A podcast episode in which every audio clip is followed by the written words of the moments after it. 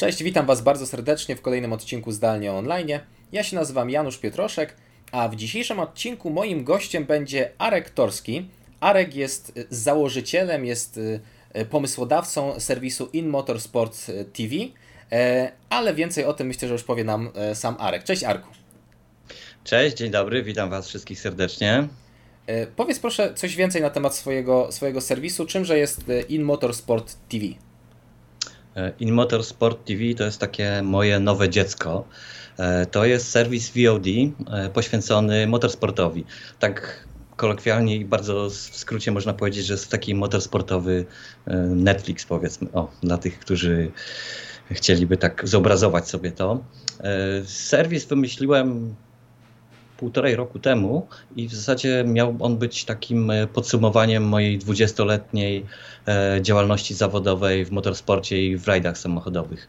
Szukałem czegoś, co będzie takim fajnym wyzwaniem dla mnie, nowym, E, czymś, gdzie będę mógł połączyć swoje dwie pasje, ponieważ jedną pasją stało się filmowanie, drugą pasją jest przez całe życie motorsport. I ten serwis jest takim ukoronowaniem wszystkiego, połączeniem w jedno i mogę się tutaj spełniać artystycznie, ponieważ nikt e, nade mną nie stoi, mogę wdrażać wszelkie swoje pomysły, robić wszystko po swojemu i to bardzo, bardzo mnie cieszy. E, cały zeszły rok poświęcaliśmy poświęciliśmy na przygotowanie materiałów. E, no i zresztą historia tego serwisu jest trochę bardziej skomplikowana, ponieważ na początku 2000, 2020 roku e, byliśmy gotowi do uruchomienia go na systemie amerykańskim, e, na licencji. Z tym, że mieliśmy bardzo mało materiału, ale wierzyłem, że jak się ruszy sezon, to będziemy w stanie produkować wszystko na bieżąco, e, no i dzięki temu zapełnić go treścią. No niestety zdarzył nam się pandemia, no i, no i niestety musiałem przesunąć premierę i zrezygnowałem z tego serwisu. E, co ciekawsze, e, start serwisu mieliśmy zaplanowany na 20.02.2020. To taką sobie datę wymyśliłem. E, I po tym, jak już przesunąłem tę datę, to wiecie, co się wydarzyło w tej dacie? W tej dacie pojechaliśmy akurat do Barcelony na wyścigi Formuły 1 i okradli nas tam. Więc jakby sam początek był no, mocno tragiczny.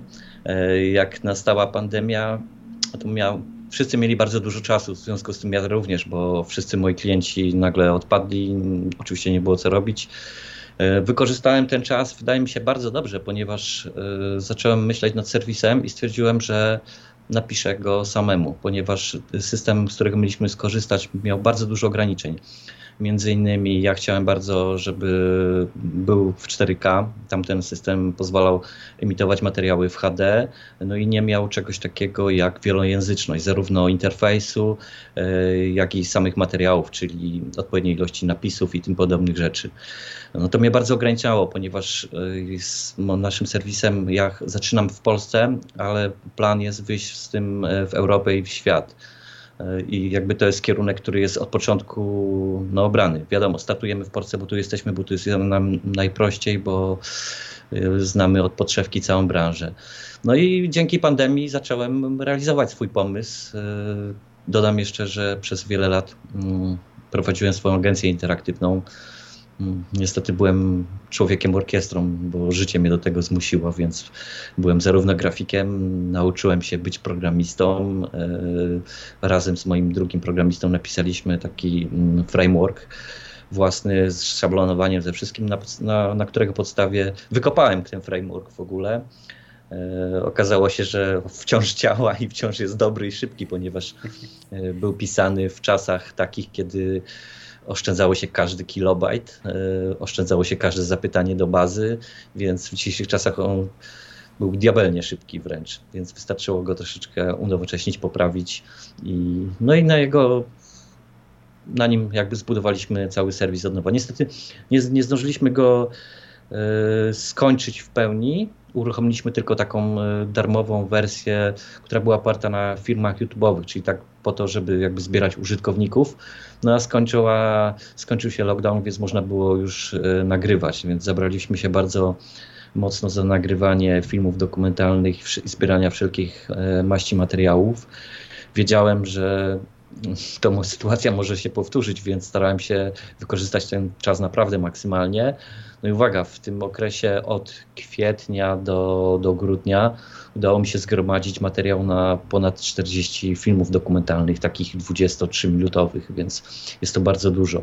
Nawet nie zdążyliśmy jeszcze wszystkich e, zmontować. Przy tej, przy tej, ilości danych, e, że tak powiem, nagrywanych, to jest e, naprawdę. W sensie wiem, jak się montuje filmy dokumentalne, wiem, ile to jest pracy, i żeby zrobić 40 filmów 20-parominutowych, E, no to ja bym to tak, no powiedział tak, no z 4 lata, 5, taki pełen etat paru osób. Mniej więcej tak to powinno wyglądać. Niestety życie jest brutalne i jeżeli nie mamy czasu ani budżetu, a jakby jedno z drugim jest bardzo mocno powiązane, trzeba nauczyć się pewne rzeczy robić bardzo, ale to bardzo szybko. Więc zdarzało nam się, znaczy zdarzało się, no, dużo filmów robiliśmy w takim naprawdę drakońskim tempie, jeśli chodzi o montaż na przykład, bo budowało się taki jeden odcinek 23-minutowy łącznie e, z, z przejrzeniem całego materiału, wybraniem, zmontowaniem, zrobić to. No i oczywiście jeszcze dodają, dorzucając do tego koloryzację e, w niecałe 48 godzin. Później jeszcze parę godzin e, materiał szedł do naszego dźwiękowca, który w studiu dźwiękowym robił magię, żeby wszystko pięknie, ładnie brzmiało, więc no, to jest tempo bardzo, chyba bardzo szybkie. No I bardzo oczywiście żałuję, że nie mogliśmy więcej czasu temu poświęcić, bo wiemy, że im więcej czasu poświęcimy, tym efekt końcowy jest lepszy. No ale najczęściej też goniły nas terminy telewizyjne, ponieważ y, nasze programy wyświetlane są również w telewizji w Motowizja. Mamy co dwa tygodnie cykliczny E, nasz program. Są tam najczęściej odcinki naszego serialu o rajdowych samochodowach Mistrzostwach Polski, jak i e, o innych, innych inne dokumenty motorsportowe. Ja jeszcze dodam, że wrócę jeszcze do, troszeczkę do tematu naszej platformy, ponieważ chcieliśmy uruchomić e, w święta. I tutaj znowuż taka ciekawa rzecz związana właśnie z koronawirusem, ponieważ miał być uruchomiony przed, przed Wigilią, a okazało się, że przed Wigilią dzień e, moi rodzice zachorowali na koronawirusa. My myśleliśmy, że jesteśmy zdrowi, niestety nas również dopadło. I zdążyłem tylko uruchomić e, w pierwszy dzień świąt wersję serwisu, w której widać e, cały zasób serwisu. Nie można było jeszcze kupić abonamentu, ale zostawiłem jeden film do obejrzenia za darmo i miałem tuż po świętach uruchomić. Niestety Dwa tygodnie spędziłem z ciężką gorączką w łóżku. W międzyczasie mojego tatę zawiozłem e, do szpitala. Tato e, prowadził naszą firmę, w ogóle księgowość pełną i zarządzał tym wszystkim. 12 e, styczeń to urodziny mojego taty i moje imieniny. I wtedy uruchomiłem platformę. E, platformę zadedykowałem e, mojemu tacie, żeby wracał szybko do zdrowia, ponieważ był wtedy już w szpitalu pod respiratorem. Ten materiał również poszedł w telewizji. No niestety trzy później nasz tata zmarł, więc jakby ta platforma powstała w takim dziwnym momencie i ma straszny dziwny związek z tym koronawirusem. Są takie chwile bardzo smutne i, i bardzo wesołe ale zadykowałem ją mojemu tacie i mam nadzieję, że on tam z góry widzi, co zrobiliśmy jest z nas i za mnie dumny. No, powiem Ci, że naprawdę historia jest y, jeszcze szczególnie z, tym, z tymi wszystkimi wydarzeniami, podsumowując cały ten rok, no, naprawdę dramatyczna, bardzo, bardzo współczuję. Natomiast dobrze, że dobrze, że to się udało wszystko y, jakoś ogarnąć całościowo, pomimo tych wszystkich przeciwności losu i, i jakichś zawodowych, i prywatnych, i, i w ogóle. E, przeglądałem tą platformę e, z, jakby z samej ciekawości, bo dla mnie to też jest interesujące jako dla filmowca, że w ogóle ktoś wpadł na taki pomysł. Ja nie wiedziałem, że tą platformę sam, sam jeszcze pisałeś, to, to już w ogóle szapoba. E, że ktoś wpadł na taki pomysł, żeby zrobić sobie serwis VOD, jakby o, trochę o swojej pasji, tak? bo, bo jakby mówiłeś o tym, że, że te motorsporty one były gdzieś tam ci towarzyszyły w życiu, I właśnie po to, żeby między innymi e, nie dostawać tych poprawek od klientów, bo e, my filmowcy wiemy jak to wygląda, człowiek tworzy piękne coś, a potem dostaje poprawki od klienta i stara się zrobić coś w miarę dobrego. Niestety czasami tak to, czasami tak to wygląda i też niektóre projekty jakieś różne artystyczne czy, czy jakieś fabuły też od czasu do czasu staram się robić dla przyjemności, żeby no trochę zrobić coś takiego dla siebie i żeby móc powiedzieć potem na samym końcu, że okej, okay, to jest naprawdę to, co ja chciałem tutaj uzyskać, a nie, że ktoś gdzieś tam gdzieś tam wpływał jakoś, jakoś na to, w jaki sposób to. No tam wiadomo, mało czasu, tak dalej, to jest jedna rzecz, ale że nie, że ktoś tam jakąś swoją wizję chciał, chciał tam bardzo, bardzo umieścić, co jest oczywiście pełnym prawem klienta, no bo klient płaci, to, to wymaga. Powiedz proszę, jak, jak to się w ogóle zaczęło, bo jakby teraz, teraz masz, tą, e, masz tą platformę, realizujecie tam jeszcze jako firma różne inne, e, inne zlecenia, natomiast od czego to się wszystko e, zaczęło? Czy najpierw była, nie wiem, może czy filmowałeś już od dziecka i, i po prostu całe życie wiedziałeś, że będziesz to robił? Mówiłeś, że miałeś, miałeś agencję. Jaka była ta Twoja droga od powiedzmy tego pierwszego zetknięcia się z technologią filmową, fotograficzną, aż, aż do dnia dzisiejszego, kiedy masz no nie wiem, czy nie jedyną taką stricte rajdową platformę VOD w Polsce. Rzekłbym nawet, że w Europie, bo jest jeszcze druga w Ameryce. E, mój początek był bardzo tragiczny. Od tego może zacznę, e, bo całą swoją karierę rozpocząłem od sklepu komputerowego, w którym składałem jeszcze wtedy PC-ty 386 486 to były takie początki. Moje no i niestety kiedyś. Tak, tak, tak. A byłem w ogóle aterowcem, więc bardzo zagorzałem. E, no i niestety przyszła tragedia, ponieważ najpierw mnie oszukał oszust, później mieliśmy słynną powódź w 97 roku. E, no i jakby nie zdążyłem się otrząsnąć jednego, dorwało mnie drugie jak stanąłem w miarę jako ten na nogi, to w takim najlepszym okresie gdzie się sprzedawało bardzo dużo komputerów. Miałem pełen magazyn sprzętu. Oczywiście sprzęt był e, na terminy płatności, więc jakby nie był mój tak naprawdę. E, zostałem okradziony. Został mi magazyn splądrowany do zera. Załamałem się wtedy, bo, no, bo to był dramat. Nie byłem ubezpieczony, bo ubezpieczenie w tamtych czasach było bardzo drogie. No ale stwierdziłem, że policzyłem sobie z kalkulatorem szybko, dobra, jest super okres, świetny teraz, podogadywałem się z firmami, jakoś się uda, może nadrobimy te straty. Minęły dwa miesiące. Aha, w międzyczasie oczywiście ogarnąłem sobie e, kasę pancerną, tego typu rzeczy, jakieś zabezpieczenia dodatkowe. Nie minęły dwa miesiące, znowuż splądrowana firma do zera. No i wtedy wiedziałem, że, że, że to już jest, że tego, z tego się nie da wyjść, aczkolwiek spróbowałem, mówię, dobra, na pewno się uda, zrobię to jeszcze raz. Zmieniłem lokal na mniejszy, wtedy e, ogarnąłem firmę ochroniarską, pierwsza w Polsce, pierwsza we Wrocławiu firma ochroniarska z prawdziwego zdarzenia. Miałem system alarmowy, który w razie czego miałem jeszcze guzik antynapadowy, więc wszystko pięknie, ładnie, byłem niby zabezpieczony. Niestety, w międzyczasie e, miałem również tragedię, miałem napad rabunkowy, jeszcze kilka rzeczy. Koniec końców no, tą, tę firmę zamknąłem. Ale to był też okres, e, kiedy zacząłem zawodowo pracować przy rajdach samochodowych, ponieważ stworzyłem pierwszy w Polsce e, portal o rajdach samochodowych. On się nazywał Rally Online i prowadziłem go później przez bardzo wiele, wiele lat i byłem takim prekursorem sportów motorowych w internecie. To były takie początki internetu, można powiedzieć.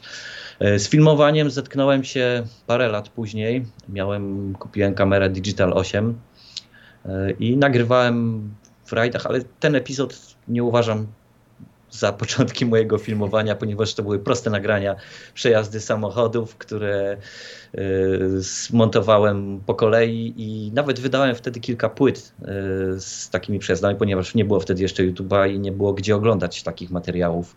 No, no, nawet wtedy się całkiem sprzedały. Ostatnio je wyciągnąłem i nawet designersko bardzo, bardzo dobrze wyglądały. W 1999 roku zacząłem to był jedyny okres, gdzie pracowałem u kogoś przez, yy, przez pół roku.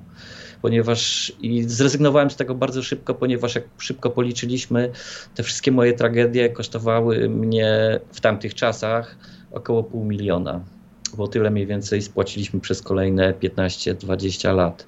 Także ja zacząłem w ogóle wszystko od takiego strzała totalnego, który zmiótł mnie z planszy dosłownie i tylko naprawdę dzięki bardzo ciężkiej swojej pracy udało mi się z tego wyjść i dojść do punktu, w którym jestem. Oczywiście tata wspomniany bardzo mi pomagał, ale pomagał mi również swoją pracą, ponieważ moi rodzice są nauczycielami e, więc w domu nie przelewało się. Musiałem na wszystko sobie samemu zapracować. Tato pomagał mi po prostu biorąc korepetycje i pomagał mi wyjść z tego ogromnego, ogromnego minusa. I tak naprawdę z tego ogromnego minusa to zupełnie to wyszedłem dosłownie całkiem niedawno, więc to też jest taka bardzo niełatwa rzecz. W 2000 roku otworzyłem agencję interaktywną, bo stwierdziłem, że y, koszty odsetek i komornicze rosną szybciej niż, niż normalny, zwykły człowiek jest w stanie y, zarabiać. Więc otworzyliśmy statem tę agencję i faktycznie zaczęło to fajnie prosperować.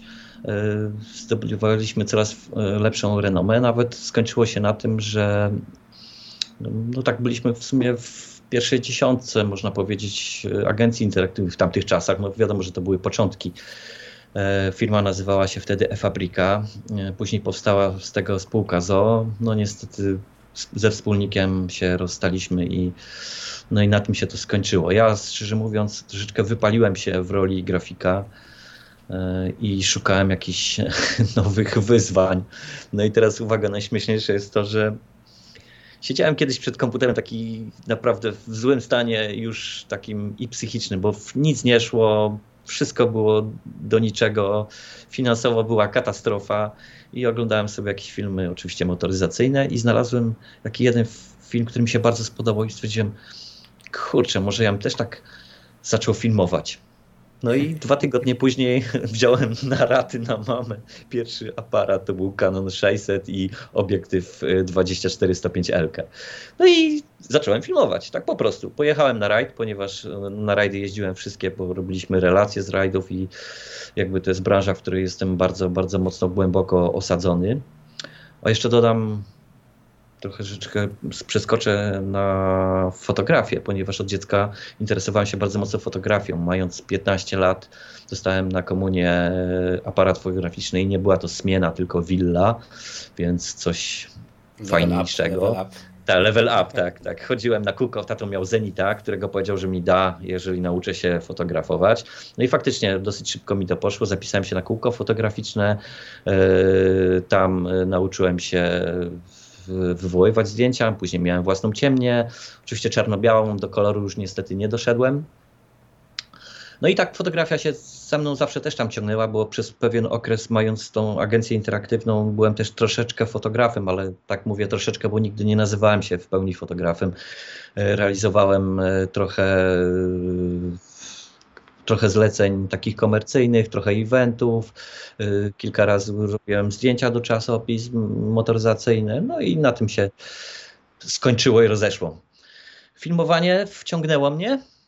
Y, pierwszy film, który zrobiłem y, z rajdu, bardzo się ludziom spodobał klip, no i stwierdziłem, że warto pójść tą drogą. No i zacząłem to jakby rozszerzać i tak jakoś bardzo naturalnie i bardzo szybko znaleźli się na to klienci, których w zasadzie nawet nie szukałem, tylko ktoś się dowiedział, że ja zaczynam robić filmy, zobaczył jakiś tam film, powiedział, e, a może byś tak zrobił film dla mnie? No, no dobra, spróbujmy. No i udało się i tutaj krok po kroku y, filmowanie zaczęło coraz więcej mojego życia zajmować, aż stwierdziłem, że mam gdzieś agencję interaktywną, robienie stron internetowych, robienie grafiki. Mam już tego zupełnie dość i odłożyłem to. I zacząłem się, przez, e, przestawiłem się całkowicie na filmowanie i uwaga, miałem już wtedy 40 lat na karku, więc to też taki okres, w którym już powinien być człowiek ustabilizowany, wiedzieć co chce i jak chce zrobić. A ja dopiero zaczynałem. E, bardzo, w zasadzie już po roku filmowania y, miałem kontrakt z Kajetanem Kajetanowiczem. Na pewno większość ludzi go zna. To jest mistrz Europy.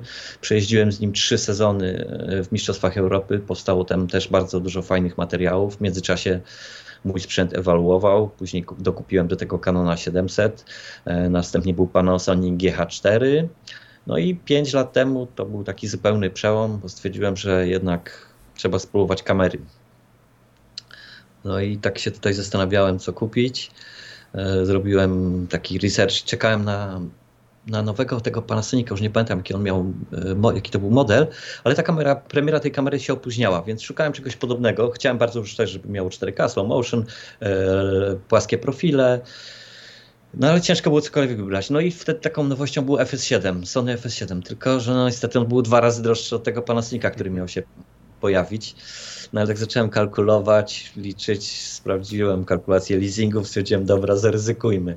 No i wzięliśmy w leasing e, no, tą FS7. No i to też był strzał w dziesiątkę, ponieważ okazało się, że wtedy akurat to była druga tego typu kamera we Wrocławiu. No chyba ATM jeszcze miał, ale taka w takich prywatnych powiedzmy rękach. W 2016 robiliśmy też e, przez pół roku w zasadzie 90% materiałów, które można było w internecie zobaczyć dotyczących Europejskiej Stolicy Kultury. E, w tym też roku e, miałem kontrakt z Yazidem Al-Raji, to jest saudyjski kierowca, z którym jeździłem po całym świecie, zarówno po, po, po wszystkich pustyniach, po rajdach cross country, jak i zwiedziłem wszystkie mistrzostwa świata w rajdach samochodowych, e, eliminację. No i to był taki naprawdę bogaty rok, ponieważ ja wtedy do domu wracałem, wracałem przebrać się. Bywały takie momenty, że byłem 2-3 tygodnie poza domem, wpadałem do domu, zmieniałem rzeczy, 2-3 dni i wyjeżdżałem znowuż. I to było takie wykorzystanie czasu też stuprocentowe i to była też taka bardzo duża szkoła życia. No i tutaj też rajdy bardzo dużo uczą, ponieważ e, w rajdach dzieje się bardzo, wszystko bardzo szybko. Trzeba być e, wszędzie o określonej porze. Mi wystarczy spóźnić się 10 sekund, dosłownie 15 sekund i już nie nagramy nie, nie nagramy tego, tego, co chcieliśmy nagrać. Więc tutaj trzeba być bardzo zdyscyplinowanym czasowo. Y, trzeba też bardzo szybko reagować. Y, materiały na częściej, y, na przykład prosty klip, taki minutę, dwie minuty, trzeba nagrać, trzeba oddać w ten sam dzień. Czyli na przykład mm, kończy się rajd o godzinie 19 mm, ostatni odcinek, a o godzinie 21 już musi być film w internecie. To też powoduje że, że nabywa się takiej umiejętności bardzo szybkiego montowania, pracy. No ja już nauczyłem się montować zarówno w samochodzie, siedząc podczas jazdy na prawym fotelu, w samolocie, e, mając słuchawki na uszach, siedząc gdziekolwiek, po prostu na kolanie. I, i to jest też bardzo fajne, bo, bo dzięki temu zdecydowanie lepiej wszystko się robi. To też jest w ogóle ciekawa umiejętność. Ja miałem takie doświadczenie, jakby nie robię tego na co dzień, E, bo chyba bym, nie wiem jak ty to fizycznie i w ogóle jesteś w stanie ogarnąć, bo e, ja, raz w roku jest taka, jest taka jakby mistrzostwa dla dzieciaków, piłkarskie, ogólnopolskie e, i no, w zeszłym roku nie było przez pandemię, ale tak od kilku lat współpracuję z taką fundacją, z stowarzyszeniem, które się tym zajmuje i tam też koncepcja jest taka, że robimy materiały w trakcie imprezy i od razu je montujemy. No i na pierwszy wyjazd hmm? pojechałem sam, bo uznałem, no co, przecież sobie poradzę. Co nie? ja nie dam rady. Co ja nie dam rady. Dwie godziny filmowanie, dwie godziny montaż, pyk i lecimy dalej. Ze stacjonarką do hotelu pojechałem w ogóle, to mhm. było też ciekawe. E, nie wiedziałem wtedy, na przykład nie wpadłem na to, że jak wyjmę kartę hotelową, to się wyłączy prąd i nie będzie tego tak, renderu tak, zrobionego. Tak, to już się potem przekonałem, że tak jest. Natomiast e, rzeczywiście po jednym takim wyjeździe trzydniowym, poza tym, że go odchorowałem jak porządne wesele, myślę, że za dwa dni góralskie, bo, bo byłem wykończony, bo prawie nie spałem, mhm. no to się okazało, że da się. W sensie, że jest to na granicy wytrzymałości, ale da się. No i tam na, następny rok też znowu byłem sam, później już miałem jakiegoś tam montażystę, yy, czy tam nie operatora i operator po prostu mi przynosił materiały, ja cały czas siedziałem, montowałem, więc taki workflow jakiś tam się udało wypracować. Natomiast nie wyobrażam sobie w ten sposób pracować, na przykład jak mówiłeś, od kwietnia do grudnia yy, przy, przy tych wszystkich materiałach, to naprawdę szapoba, bo kto nigdy nie montował to nigdy nie montował materiału wideo, nie ma najmniejszego pojęcia, jak ogromna ilość pracy to jest. Dwuminutowy klip tak. wydaje się takie, no do dwie minuty to ile tam, w 20 minut się zmontuje, no, no nie, no nie. nie. Jakby to tak działało, to by było fajnie, ale no niestety tak to nie działa. No tak wracając jeszcze do sprzętu, Później e, dokupiliśmy jeszcze FS5 i A7S2. No niestety część z tych sprzętów A7S2 aparat nam z obiektywami ukradli wtedy, kiedy mieliśmy platformę naszą uruchomić. E, I w 2000 pod koniec 2019 podjęliśmy kolejne ryzyko, mianowicie mm, moim marzeniem zawsze był RED kamera RED i zawsze chciałem go mieć, tylko no oczywiście są to, to już jest level naprawdę pro i koszty związane z tą są naprawdę wysokie. No i w, w końcu zamiast rozbudowywać e, tą infrastrukturę sprzętową, jaką mam, stwierdziłem, że a, zaryzykujemy, weźmiemy Reda w leasing. No i tak się, tak się zdarzyło. No i teraz może pokażę Wam, czym nagrywam w tej chwili. Muszę to jest taki mój zestaw, tak zwany run and gun. Ile to jest kilogramów? W tej chwili to jest tak gdzieś 9, 9,5. Nie, to jest y, z Mateboxem jest 11. Y, no właśnie. Tak. No, no właśnie, oczywiście w rękach, w rękach nie da się tego tym operować, bo jest to tak ciężkie, że no jeszcze trzymając używam do tego Easy Riga, którego zakładam na plecy. Te właśnie kuleczki tutaj, to się nabijamy nim i on sobie ładnie wspomaga i rozkłada Czyli cały tak ciężar. zwana wędka. Tak, na, na ciele. No przedwczoraj byłem na planie zdjęciowym yy, na testach, yy, na testach rajdowych. No i niestety wysiadając z auta, składając sprzęt, mówię do mojej dziewczyny, o, o, nie wzięliśmy Easy Riga. No i musiałem cały dzień e, biegać, go trzymać w rękach. No i wczoraj tutaj zakwasy po prostu tak niemożliwe, że, że jeszcze do dzisiaj mnie trzymają. Ja myślę, że jeszcze z dwie, trzy takie zapomniane akcje i będziesz miał biceps jak e, Pudzianowski. Tak, e... tak. Znaczy, tak, ale tak naprawdę no, zanim miałem Easy Riga, no to przez pół roku biegałem z Redem w rękach. Oczywiście był troszeczkę mniejszy setup, bo E, miałem lżejsze obiektywy i, no i troszeczkę mniej rzeczy tutaj na, na, na wkładane. No ja szczerze powiem, że jak robiłem jakieś eventy, jakieś takie realizacje, to zwykle e, albo używałem monopodu, żeby jakkolwiek się odciążyć, hmm. a mhm. używałem lustrzanek, nie że jakieś tam nie wiadomo czego, czy tak. jakiś bezlusterkowców. No ale nawet taka, taki bezlusterkowiec z obiektywem, jakimś tam Ronem, który tam waży 800 gram, hmm. tutaj jest kilo, półtorej, tu coś, tu jeszcze jakiś monitor podlądowy, coś, no i nagle się robi z tego parę kilo i na, naprawdę przy 2-3 kilogramach to się wydaje, że to jest mało, ale tak po kilku godzinach nagle się okazuje, że 2,3 kilo to się robi 20-30 kilo, więc przy 11 to już będzie koło, koło 100 kilo po, po paru godzinach przynajmniej odczucie. Dokładnie tak, to tak samo było z FS7. Z FS7 wydawało mi się, że jest ciężką kamerą. Ona ważyła tam 6-6,5 kg w zależności z jakim obiektywem i, i, czy miała jeszcze coś tam dołożone do siebie. E, I kiedy przyjadłem się na Reda, no to y, FS7 moja dziewczyna operuje na rajdach. No i czasami, jak, nie wiem, jak mi się skończy bateria albo coś, ja czasami biorę ją od niej i mówię, kurczę, ale lekka ta kamera. O, pojęcie względne, pojęcie względne. Tak. Jakby, jakbyś używał lustrzanki wcześniej, to nagle przejście na FS7 to rzeczywiście jest takie, że kurczę, jakie ciężkie, a tutaj proszę. E, tak. a powiedz, jeżeli, chodzi, jeżeli chodzi właśnie o takie względy techniczne, e, tworzenie tych materiałów, bo wy jakby jako firma tworzycie materiały dla różnych klientów i poza tym jeszcze dodatkowo na tą waszą e, platformę. Powiedz, wiem z doświadczenia, z czego ludzie sobie czasami nie zdają sprawy, jak się nagrywa event, to tego materiału powstaje dużo.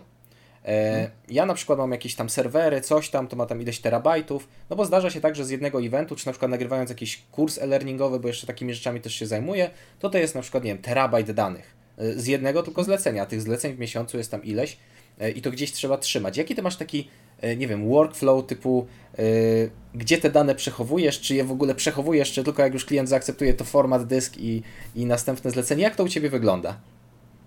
No właśnie, ja jestem z tych ludzi, którzy lubią trzymać e, wszystkie archiwa, a to powoduje, że te dyski się mnożą.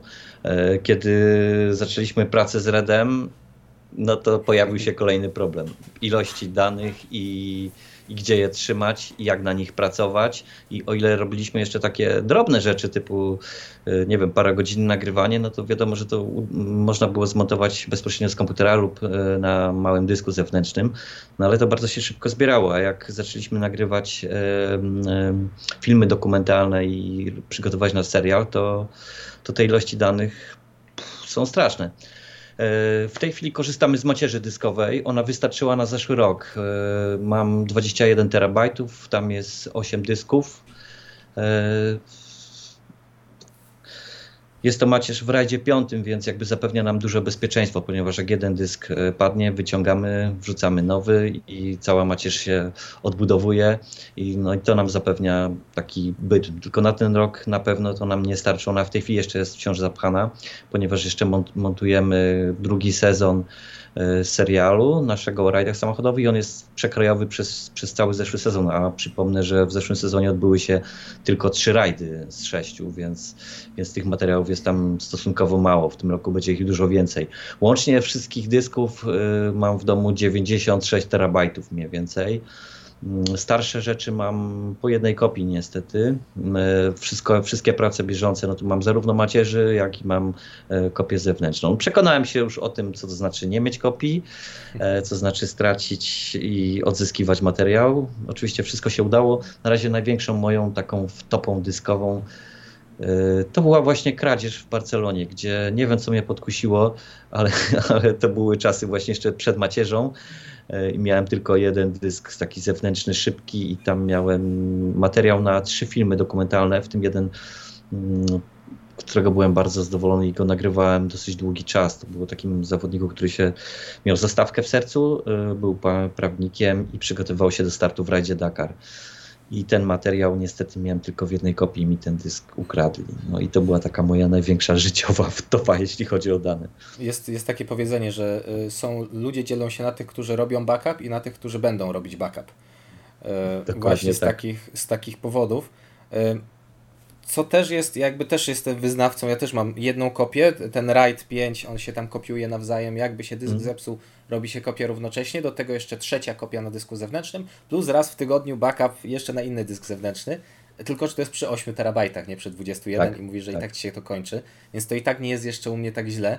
Natomiast y, y, w podróży na przykład, no to rzeczywiście jest tak, że ja czasami wszystko wiozę na jednym dysku, e, no bo nawet nie ma czasu czasami robić tego backupu mhm. fizycznie, bo człowiek goni non-stop przez ileś tam naście godzin, y, potem tylko do hotelu i spać. No można włączyć w nocy na przykład, ale czasami człowiek nawet już nie jest w stanie tego komputera włączyć, bo, bo jest tak, tak zmęczony.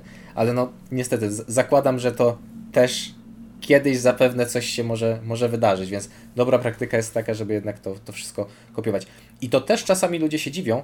E, ja, wiesz, bo my, my wiemy o czym mówimy, ale to ludzie, którzy tak, gdzieś tak. tam z zewnątrz, e, z zewnątrz e, sobie oglądają ten materiał, nie mają wspólnego ze światem filmowym, że jakby to, że zmieniasz kamerę na przykład, to nie jest tylko to, że ok, masz lepszy sprzęt, to lepiej wygląda i masz większe możliwości, ale na przykład nagranie godzinne z jakiejś tam lustrzanki bez lusterkowca i nagranie godzinne, które niby też jest w tej rozdzielczości i tak dalej, ale z Reda, no to tutaj mamy kilka giga, tutaj mamy kilka terabajtów i to jest naprawdę ogromna różnica. I do tego jeszcze trzeba mieć lepszy komputer później najczęściej, lepsze Dokładnie coś tak. tam i tak dalej, i tak dalej. Więc każdy taki upgrade powoduje, że trzeba robić kolejne upgrade'y. I to jest niestety, jak na razie z tego co widzę od kilkunastu lat, w moim przypadku niekończąca się historia. W moim niestety identycznie. Jeśli chodzi o komputery, to jestem cały czas jakby wykorzystuję na maksa jego możliwości. E, na początku miałem, znaczy mam wciąż jeszcze tutaj stoi, tylko już nieużywany jest stary Mac Pro. E, tylko, że tak, korzystając z DaVinci'ego, niestety już musiałem zrezygnować z tego Maca Pro, ponieważ mam w nim e, kartę graficzną, na której nie można już postawić nowszego systemu, którego wymaga DaVinci. Więc najczęściej montowałem na laptopie, na MacBooku Pro 16. No, ona teraz w tej chwili musi iść do serwisu, ponieważ tam padły w niej porty, ale próbujemy teraz montować od dwóch tygodni mm, i to całkiem skutecznie na nowym Macu Mini na, z procesorem M1. I to jest właśnie ciekawostka, że komputer, który jest no, stosunkowo niedrogi w porównaniu na przykład do MacBooka Pro, naprawdę daje radę i można w nim, na nim naprawdę wszystko zrobić. E, a tak wracając jeszcze do, do samych dysków twardych, no to na przykład e, przegranie materiału takiego jednego terabajta danych, e, na przykład na dysku takim, który wszyscy popularnie znają na USB 3.0, no to może trwać parę godzin, a przegranie na przykład podobnego ilości materiałów między na przykład komputerem a taką macierzą lub dyskiem na Thunderbolt 3, no to jest czasami 20-30 minut, więc to są wartości takie bardzo nieporównywalne. I w tej chwili mając jeszcze do dyspozycji jeden mały, szybki dysk, taki 2 terabajty i jeżeli na przykład jadę gdzieś w teren i wiem, że muszę coś zmontować, coś co powiedzmy mieści się w tym zakresie, no to wiem, że mogę szybciutko go tam w ciągu pół godziny sobie skopiować na ten dysk i mieć zawsze przy sobie ten materiał. E, a powiedz jeszcze wracając do samej platformy, bo wspominałeś o tym, że w ogóle platformę postawiłeś, e, postawiłeś sam na, na podstawie tej pracy wcześniejszej. I jakby ile, ile osób współtworzy ten e, świat in Motorsport TV? E, jakby ile osób jest zaangażowanych w to, żeby tworzyć te materiały e, bezpośrednio już na, na platformę? Najwięcej nas pracuje tak naprawdę na samych imprezach, czyli na rajdach samochodowych, ponieważ jedzie nas wtedy od 12 do 15 osób. No i to jest w ogóle ciekawostka, bo na pierwszy rajd zebrałem ekipę z ludzi, którzy znali się na filmowaniu, ale na przykład kompletnie nie znali się na rajdach samochodów, czyli wziąłem tak zwanych świeżaków, których e, sobie wyuczyłem. Dużo z tych ludzi e, było również młodymi ludźmi, którzy stawiają jakby też pierwsze kroki, gdzieś tam nie mają jeszcze tak dużego doświadczenia i jakby to bardzo dobrze zagrało. I ta ekipa jest w zasadzie stała, zmieniają się czasami pojedyncze osoby, ale z, no, z prostych przyczyn, że czasami ktoś e, nie ma czasu, nie może pojechać, wtedy jedzie kto inny i na tej zasadzie. Na co dzień pracują głównie ja i moja dziewczyna i my nagrywamy jakieś też e, rzeczy typu testy, gdzie nie musimy mieć e, dużej ilości osób na planie. E, robimy też takie, robimy też, nagrywamy też ujęcia dokumentów poza rajdami i wtedy również najczęściej wystarcza nasza dwójka, czasami jedzie nas cztery osoby. Jeśli chodzi o montaż, no tu mamy najgorszą sprawę, ponieważ wracamy do tematu danych. E, montując na przykład serial, gdzie trzeba mieć pod ręką naraz te 20 terabajtów danych, nie zawsze montażysta ma tyle miejsca, więc musimy albo jeździć i przekazywać naszą macierz, a najczęściej robię, no niestety, to ja samemu. I w tej chwili dorośliśmy do tego, że tak jak wszyscy uciekają od biur i pracują zdalnie, my musimy mieć niestety biuro montażownie, w którym będzie dostępny naraz cały materiał i jeżeli my wyjeżdżamy na plan zdjęciowy, no to montażysta będzie mógł spokojnie usiąść sobie do materiału i nie ma tego problemu, że trzeba ten materiał nosić, że jest niepełny, E, że montażysta ma u siebie, nie ma u siebie wystarczających szybkich dysków. No to są takie trudności, które, które trzeba pokonywać na bieżąco i mam nadzieję, że e, teraz nam się uda. No, będziemy również stawiali teraz sobie sieć 10G po to, żeby można było 2-3 komputery na przykład podpiąć e, pod jedną macierz. Będzie też w planach mamy serwer NAS no bo tych danych jest już coraz, coraz więcej. Ja tak szacuję, że ten rok, jeżeli no nie wiemy co będzie tak naprawdę, ile tych imprez odwołają, ale jeżeli wszystko powiedzmy odbędzie się względnie z planem, z jakimiś tam przesunięciami, no to tak te 100 terabajtów to tak, to tak będzie potrzebne. E, to jeszcze tak właściwie na koniec mam dwa pytania. E, jedno, które nie było zaplanowane. E, kiedy ostatni raz byłeś na urlopie albo miałeś dłuższe wolne? Czekaj, czekaj. Czy jest inne pytanie? Nie, tak szczerze mówiąc, ostatni urlop miałem taki, powiedzmy, urlop, coś, co jest dłuższe niż jeden dzień, nazwijmy to.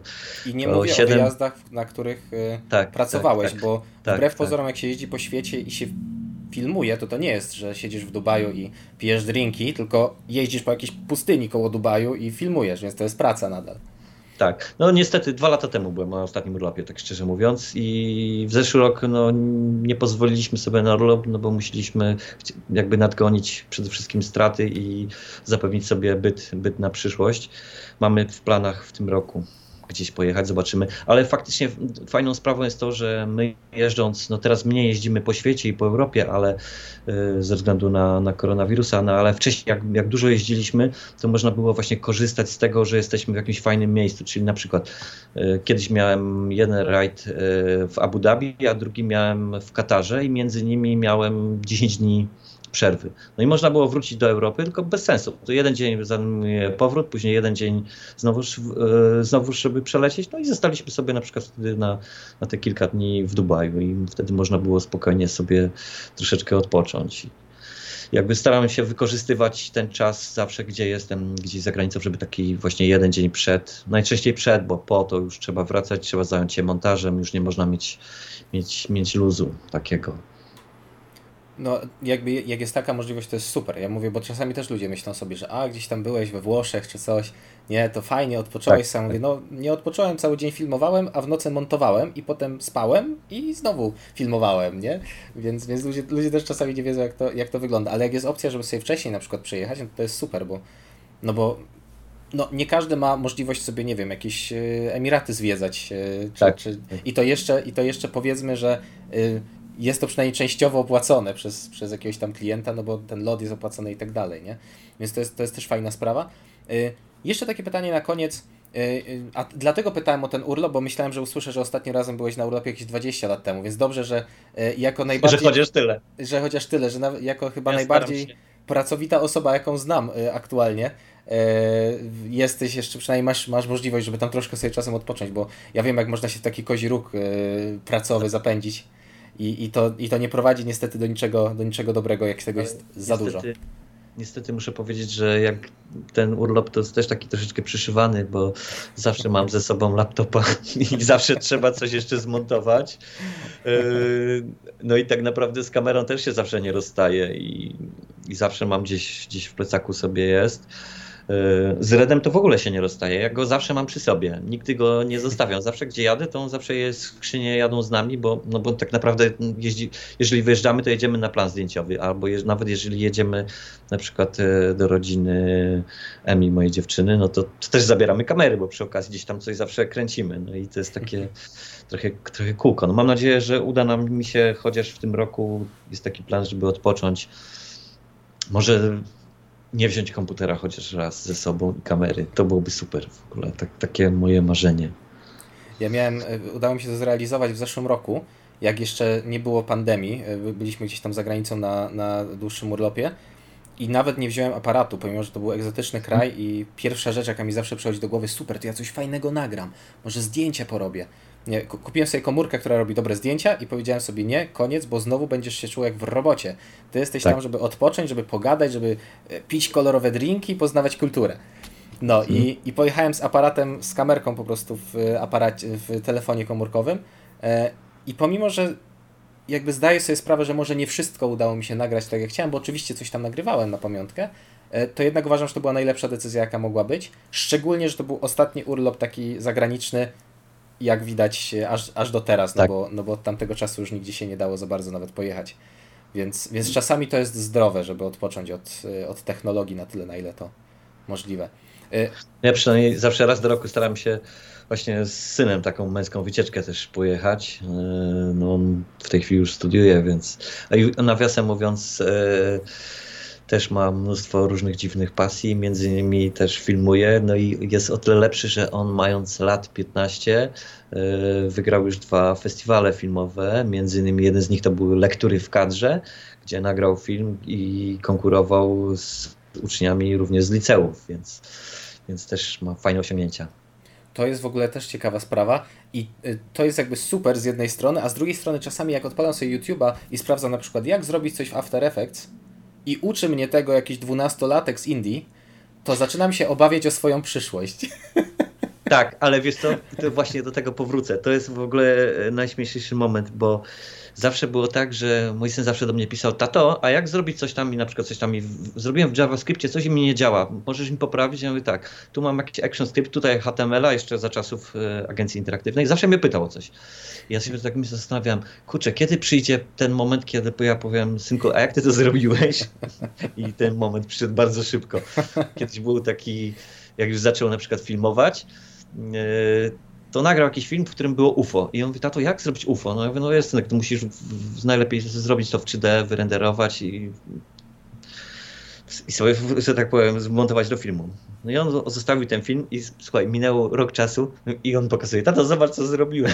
Ja, jak ty to zrobiłeś? Skąd to masz? No, no nauczyłem się. Wymodelował UFO, wyrenderował, wstawił do filmu.